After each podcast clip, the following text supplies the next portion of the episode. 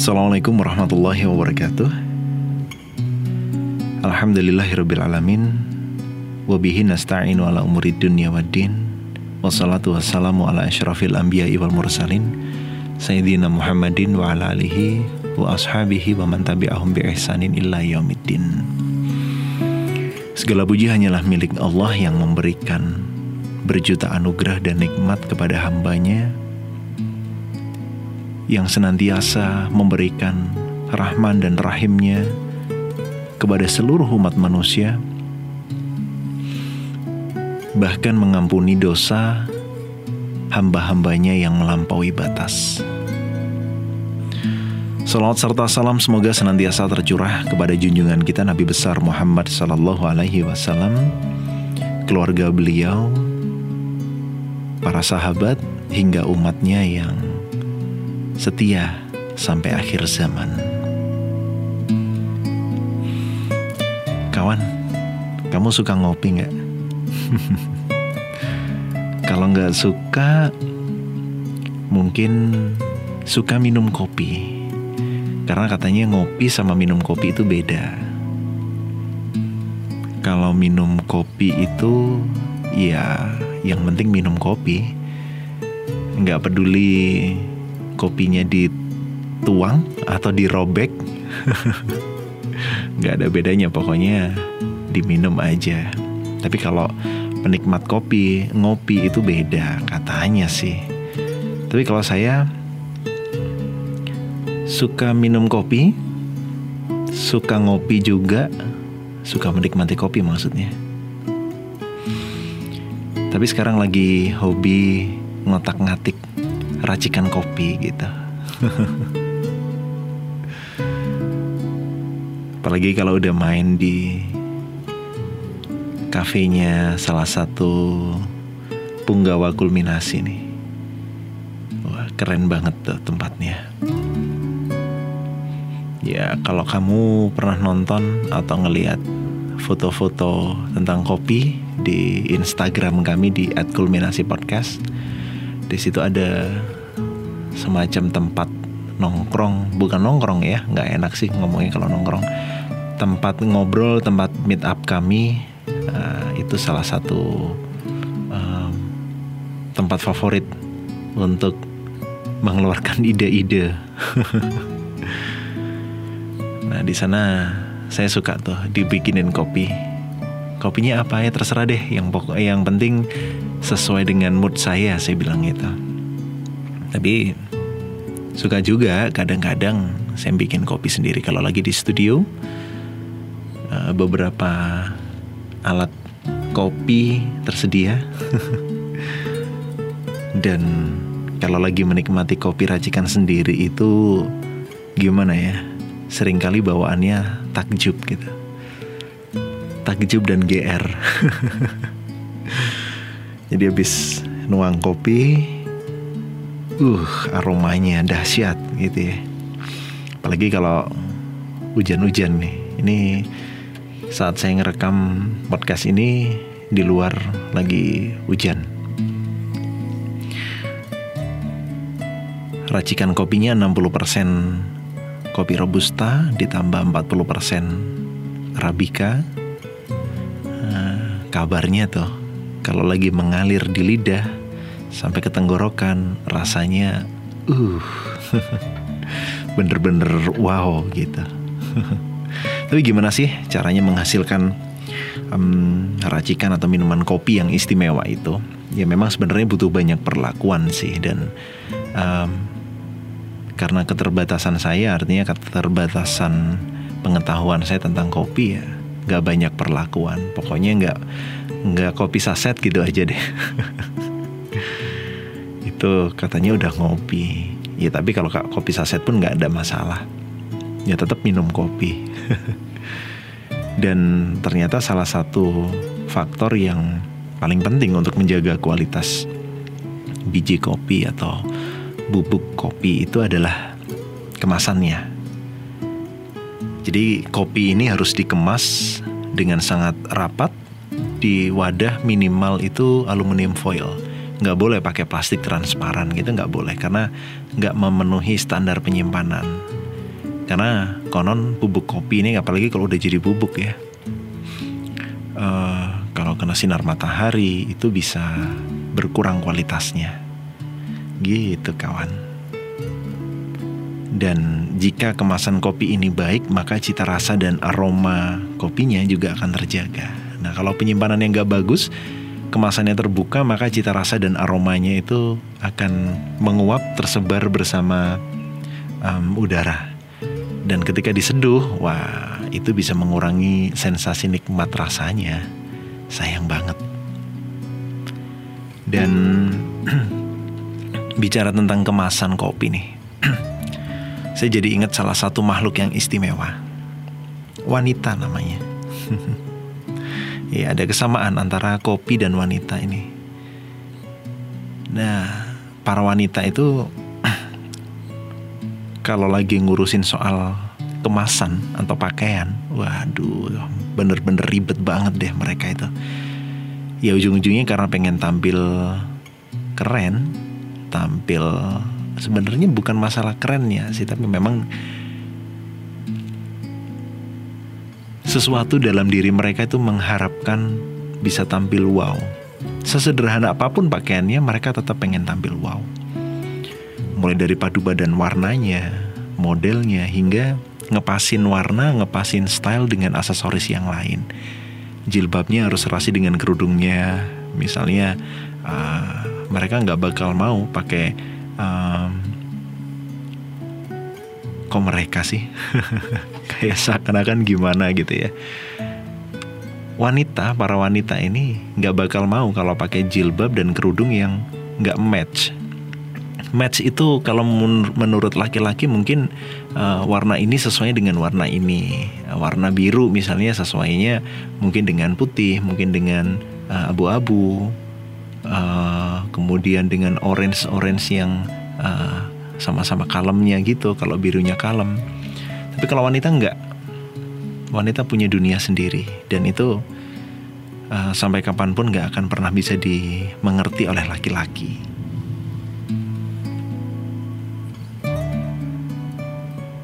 Dan bagi saya itu emang ribet. Ya mungkin most of men berpikir seperti itu juga. Kebanyakan dari laki-laki berpikir seperti itu. Bahkan sering kali nih laki-laki bilang, udahlah pakai baju itu nggak usah ribet. Yang sederhana aja. Rasulullah itu mengajarkan pakaian itu sederhana aja. Iya benar, sederhana. Tapi sederhana menurut standar laki-laki dan standar wanita tuh beda. Buat laki-laki pokoknya pakai baju, entah itu bajunya kaos, kemudian pakai celana menutup aurat, beres sudah. Tapi kalau wanita nggak bisa seperti itu. Ya udah menutup aurat, ya udah simple gitu. Udah pakai kerudung, khimar, udah pakai jilbab, tapi ya tetap aja ada yang diapa-apain begitu. entah brosnya, entah apanya. Nah, ya tetap aja ribet bagi laki-laki. Tapi emang mau uh, diapain lagi? Diapakan lagi. Sesimpel apa pun pakaiannya ya memang seperti itulah fitrahnya wanita. Mereka suka dengan kecantikan keserasian keribetan keindahan gitu ya. Ya udah biarin aja asal nggak keluar dari koridor syariat. Lagi pula laki-laki emang diciptakan untuk memimpin wanita. Dan namanya pemimpin itu wajib memahami dan mengarahkan. Memahami kodrat dia dan mengarahkan fitrahnya untuk tetap berada di jalan Allah kalau memang nggak bisa ya harus belajar, harus belajar mengendalikan. ya, gitu mau nikah. Oke, kembali ke urusan kopi nih. Seperti yang saya bilang tadi ada kesamaan antara kemasan kopi dan kaum hawa. Yaitu harus sama-sama baik dan tertutup rapat. Nggak boleh nerawang, nggak boleh terbuka karena nggak sesuai standar. Kalau kopi aja ada standarnya, ada buku kofinya, maka wanita juga harus ada standarnya. Apa standarnya? Al-Quran, Sunnah, kitab-kitab uh, salafus salih itu standarnya. Ya laki-laki juga sih, tapi di episode kali ini kita lagi ngobrolin soal wanita.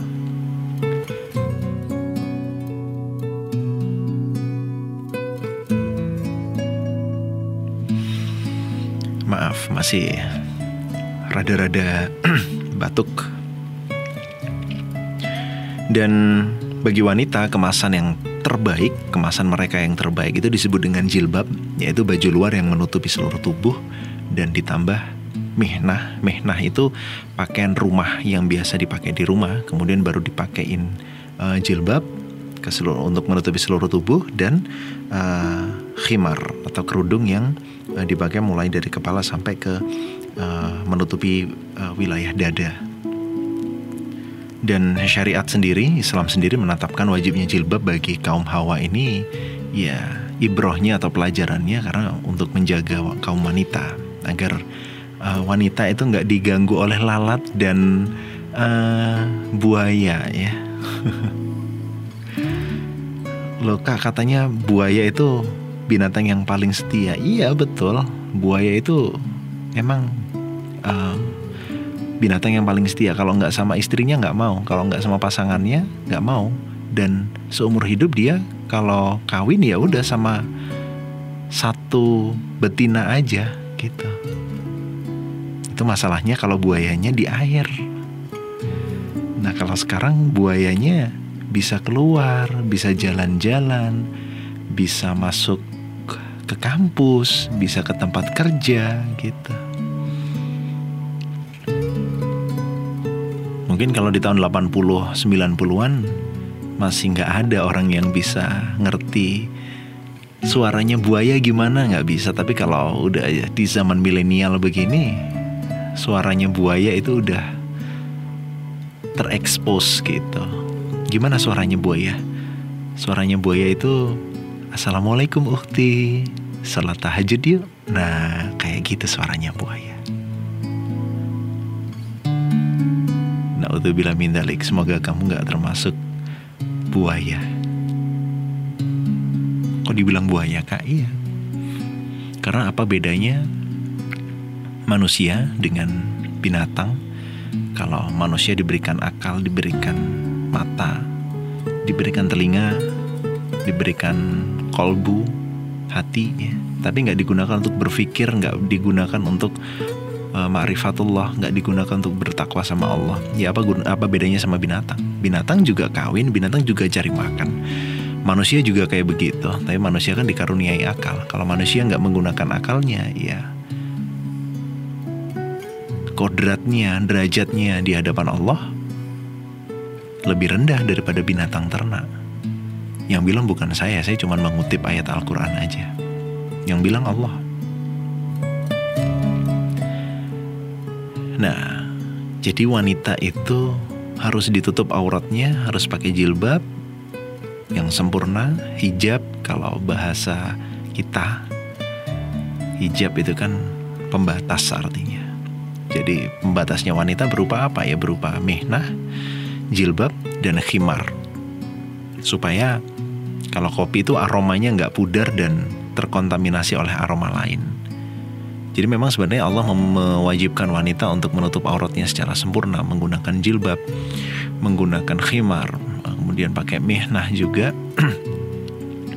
itu ya untuk menjaga kehormatan mereka. Dan kalau sekarang nih rame-rame para wanita di jalanan itu pakai masker, Nah, apalagi di China tuh. Sekarang udah pakai masker semua bahkan ada yang bikin masker dari uh, galon air mineral yang dipotong gitu. Jauh-jauh. Sebelum hari ini Imam Ash-Syafi'i itu sudah uh, berfatwa, udah menetapkan bahwasanya cadar burko itu wajib. Ya atau minimal di pendapat yang lain sunnah lah. Dan ulama-ulama lain yang lain juga um, sudah uh, menganjurkan entah itu levelnya mubah, sunnah bahkan wajib. Tapi nggak ada yang bilang uh, pakai jilbab itu mubah, sunnah nggak ada. Kalau wanita keluar rumah atau di dalam rumah pun, tapi kalau ada tamu asing, orang asing, orang laki-laki asing, Eh, bertamu walaupun dia bersama suaminya ya tetap wajib menggunakan hijab. Jadi kalau kamu hobi pakai masker biar terhindar dari debu, ya kenapa nggak pakai cadar sekalian? biar bebas debu dan dapat pahala. Hmm, tapi kak ada yang bilang loh. Kemarin tuh ada yang bilang, Bunyai pula yang bilang. Dan anaknya pula. Mengatakan kalau hijab itu nggak wajib.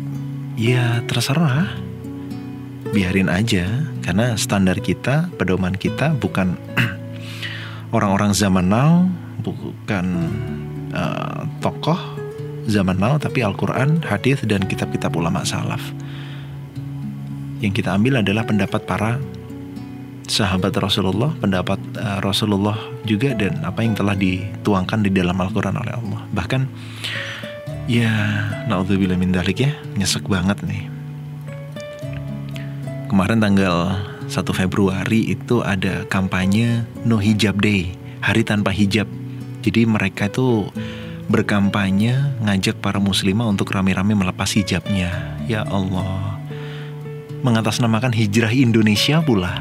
Hijrah itu kan menurut arti syariat, menurut arti dalam uh, syar'inya itu adalah berpindah dari kondisi yang uh, buruk artinya maksiat kepada kondisi yang uh, berada di jalan takwa gitu. Ya sedih banget lah ngomongnya hijrah Indonesia tapi ngajak copot hijab. Padahal saat ini semangat berhijrah dari para muslimah di negeri ini di negeri muslim terbesar di dunia itu Masya Allah kece banget ya dan yang hijrah artinya muslimah-muslimah yang berhijrah yang mulai menggunakan hijab menutup aurat dengan sempurna itu dari berbagai kalangan lah, mulai dari uh, kalangan artis, dari kalangan wanita-wanita karir, ibu rumah tangga, para mahasiswi. Ya. Kan? Dan mereka mulai memiliki kesadaran bahwa menutup aurat bagi seorang muslimah dengan jilbab yang bentuknya gamis tuh yang terusan dan kerudung atau khimar adalah sebuah kewajiban kan udah ada penjelasannya di surah An-Nur ayat 31 tentang uh, menutup aurat dan di surat Al-Ahzab ayat 59 gitu.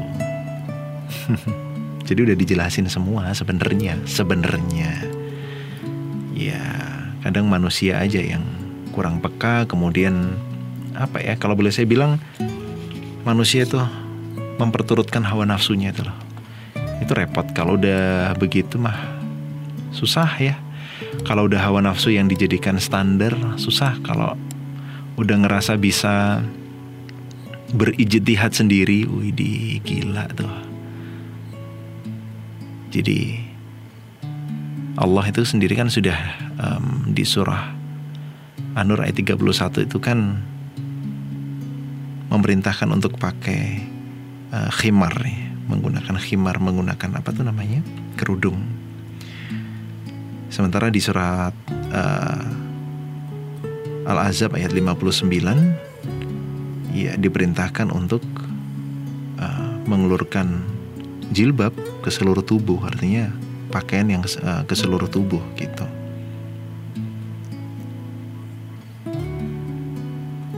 Jadi ya ya udah nurut aja nggak usah nggak usah cari alasan macam-macam karena memang ketika itu perintah datangnya dari Allah sang kholik sang pencipta kemudian mungkin nggak gitu ya. Masihkah kita uh, yang berposisi sebagai makhluk ini begitu sombong untuk nggak mematuhi perintah itu?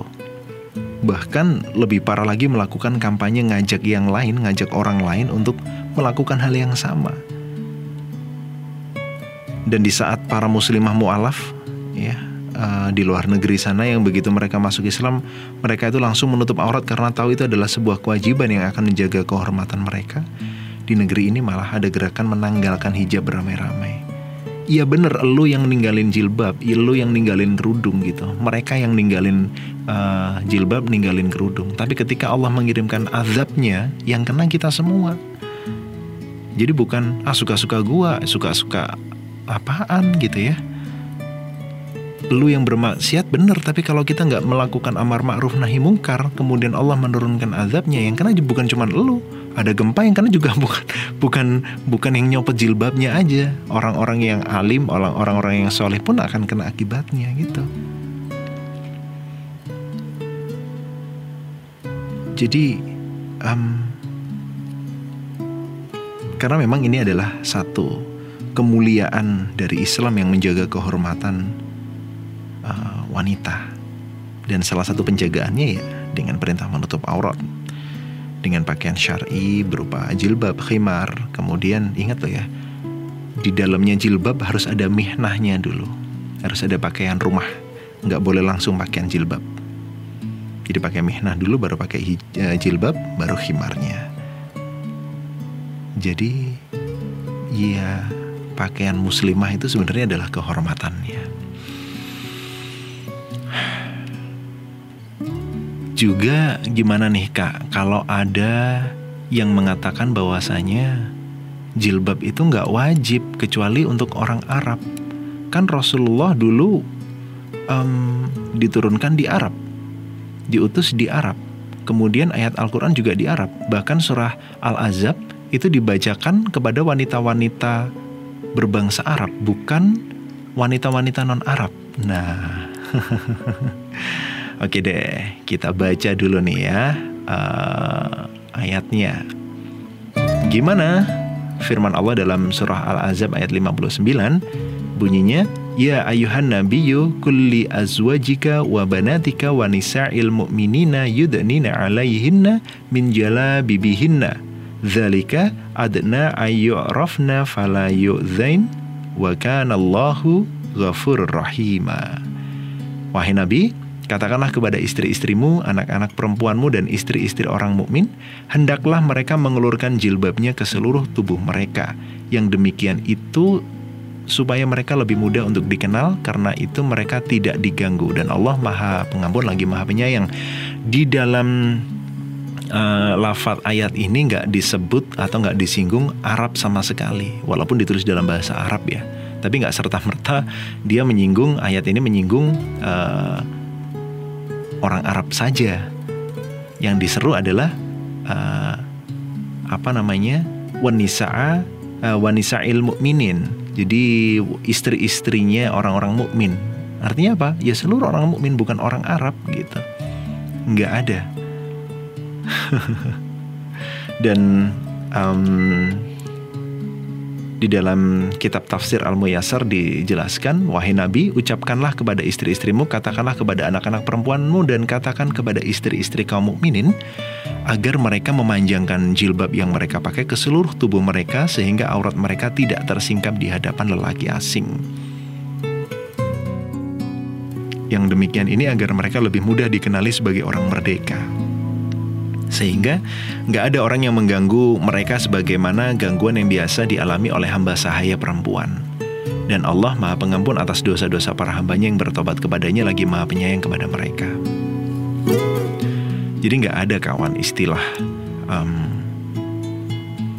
Wah hijab itu hanya untuk orang Arab Karena Rasulullah mengatakan Menyampaikan di depan orang-orang Arab Ya sekarang logikanya Pernahkah ada dalil yang Rasulullah itu menyampaikan di depan orang Indonesia? Ya nggak ada kali.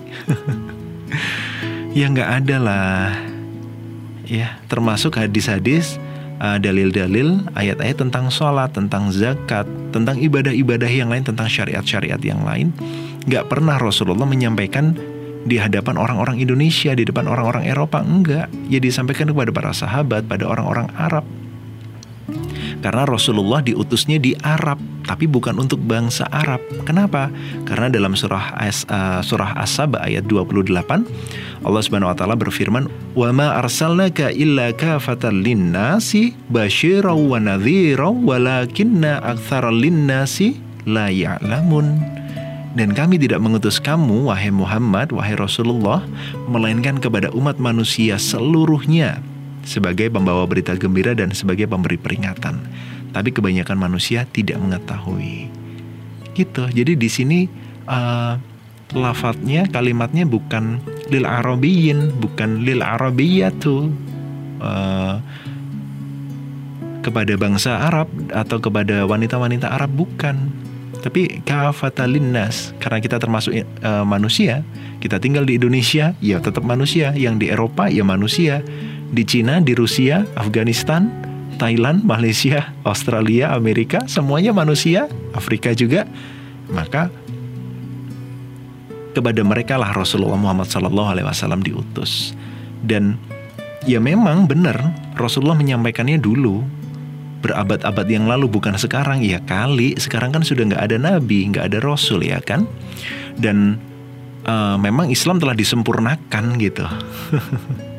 Islam telah disempurnakan uh, oleh Allah pada saat Rasulullah Shallallahu Alaihi Wasallam uh, diutus. Jadi nggak ada ceritanya setelah Rasulullah Muhammad Shallallahu Alaihi Wasallam ada nabi lagi yang nggak ada yang diikutin yang mana? Ya yang disampaikan oleh Allah dan Rasulnya pada saat itu. Karena di dalam surah Al-Maidah ayat 3 Allah Subhanahu wa taala juga sudah menyampaikan al yauma akmaltu lakum dinakum wa atmamtu alaikum ni'mati wa raditu lakumul Islam madina. Jadi sudah disampaikan oleh Allah pada hari ini telah kusempurnakan untuk kamu agamamu dan telah kucukupkan kepadaku kepadamu nikmatku dan telah kuridhoi Islam itu menjadi agama bagimu. Jadi udah sempurna wahyu yang dibawa oleh Rasulullah udah sempurna. Jadi jangan bertanya-tanya lagi, loh hijab itu kan disampaikan oleh Rasulullah berabad-abad yang lalu kak, ratusan tahun yang lalu. Masa kita juga uh, wajib? Ya iyalah. Orang uh, literaturnya sama, mulai dari 14 abad yang lalu sampai sekarang sama, tetap sama. Walaupun kita bukan orang Arab, Eh, Rasulullah kan gak diturunin bagi orang Arab aja. Al-Quran, Islam juga gak diturunkan bagi orang Arab aja. Kalau ada yang menganggap bahwasanya hijab itu wajib kepada uh, wajib digunakan untuk uh, digudang dikenakan oleh orang-orang Arab karena memang uh, Rasulullah pada saat menyampaikan itu berada bersama orang-orang Arab atau wanita-wanita Arab, ya harusnya juga berani mengatakan sholat itu nggak wajib karena dalil-dalil tentang sholat itu disampaikan oleh Rasulullah Shallallahu Alaihi Wasallam juga kepada para sahabat yang berbangsa Arab. Jadi nggak wajib buat orang yang non Arab gitu. Kenapa nggak sekalian bilang gitu? Iya kan? Maka harus diwaspadai. Ini adalah uh, opini-opini yang menggiring kepada arah liberalisme. Maksudnya liberalisme gimana? Ya liberalisme itu ya faham yang serba boleh. Pokoknya kita nggak terikat sama aturan bebas gitu. Kita mau ngikut aturan boleh nggak juga nggak ada masalah. Itulah kondisi kita saat ini ya. Tercerai berai. Jumlahnya banyak kata Rasul tapi bagai buih di lautan lemah. Ya maka dari itu banyak-banyakin ngaji deh. Banyak-banyakin menuntut ilmu cari guru yang memang bersanat Bersanat itu artinya ilmunya nyampe kepada Rasulullah, riwayat yang dia sampaikan nyampe kepada Rasulullah. Dari guru ini naik lagi ke atasnya, naik ke atasnya terus sampai ke Rasulullah. Repot juga ya kalau menyandarkan sesuatu karena hawa nafsu, menyandarkan sesuatu nggak karena dalil, menyandarkan sesuatu nggak karena nggak karena apa-apa yang diridhoi dan dimurkai oleh Allah. Habis bahas kopi larinya ke mana-mana. Ya nggak ke mana-mana juga sih. Cuman prihatin aja. Dikala semangat hijrah itu membuncah, semangat hijrah ada di mana-mana, tapi di satu sisi ada sebagian orang yang mengacaukan semangat hijrah itu dengan ah hijab itu nggak wajib, no hijab day gitu. Ya teruskan aja kalau memang nggak punya rasa takut sama Allah, nggak punya rasa malu sama Allah, lanjutkan aja. Karena kalau nanti di akhirat kan amalan kita dibuka semua tuh, ditunjukkan. Dan betapa malunya ketika kita menyeru ke jalan yang salah. Udah salah, pede pula. Ya.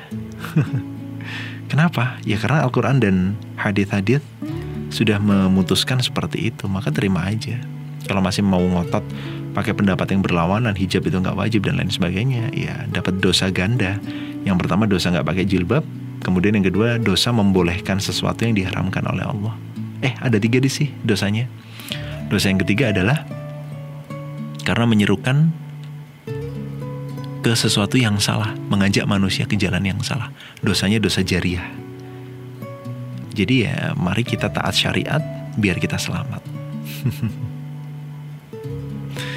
Dan mungkin di saat kamu lagi dengerin podcast kulminasi, kemudian lagi buka-buka literatur tentang jilbab, tentang aurat, ya bolehlah. Kalau ada secangkir kopi di sebelah kamu.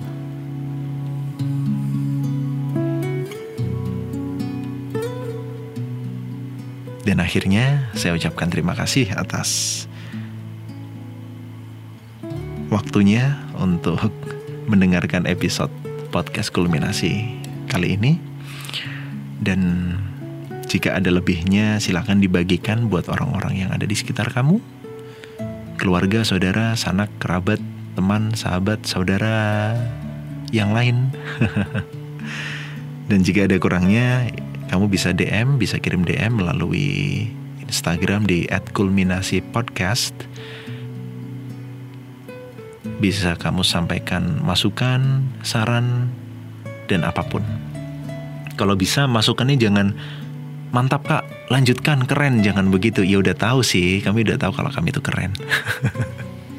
nggak bercanda. Maksudnya itu uh, masukan-masukan yang lebih. Misalnya kak kurang seperti ini kurang seperti itu. Kalau dulu sering kali ada masukan kak lagunya jangan lama-lama dong. Oke kita pendekin lagunya. Kita sekarang nggak pakai nggak pakai instrumen selingan ya. Instrumennya hanya digunakan untuk nemenin suara saya aja biar nggak bosen kamu. Nah masukan-masukan seperti itu. Kak uh, podcasternya kok itu itu aja sih? Ada nggak audisi podcaster uh, yang baru. Ada sih sebenarnya tapi tahu tuh yang lain tuh. Hai. Masih nggak pede kalau harus uh, recording. Dan tentunya segala kebenaran adalah milik Allah dan kekurangan adalah uh, milik kami sebagai hamba yang penuh salah dan juga dosa. Akhirnya saya Ahmad Adi Astam pamit undur diri dari ruang dengar kamu. Bila hitafikul hidayah wa biridha wal inayah. Wa afu minkum. Assalamualaikum warahmatullahi wabarakatuh.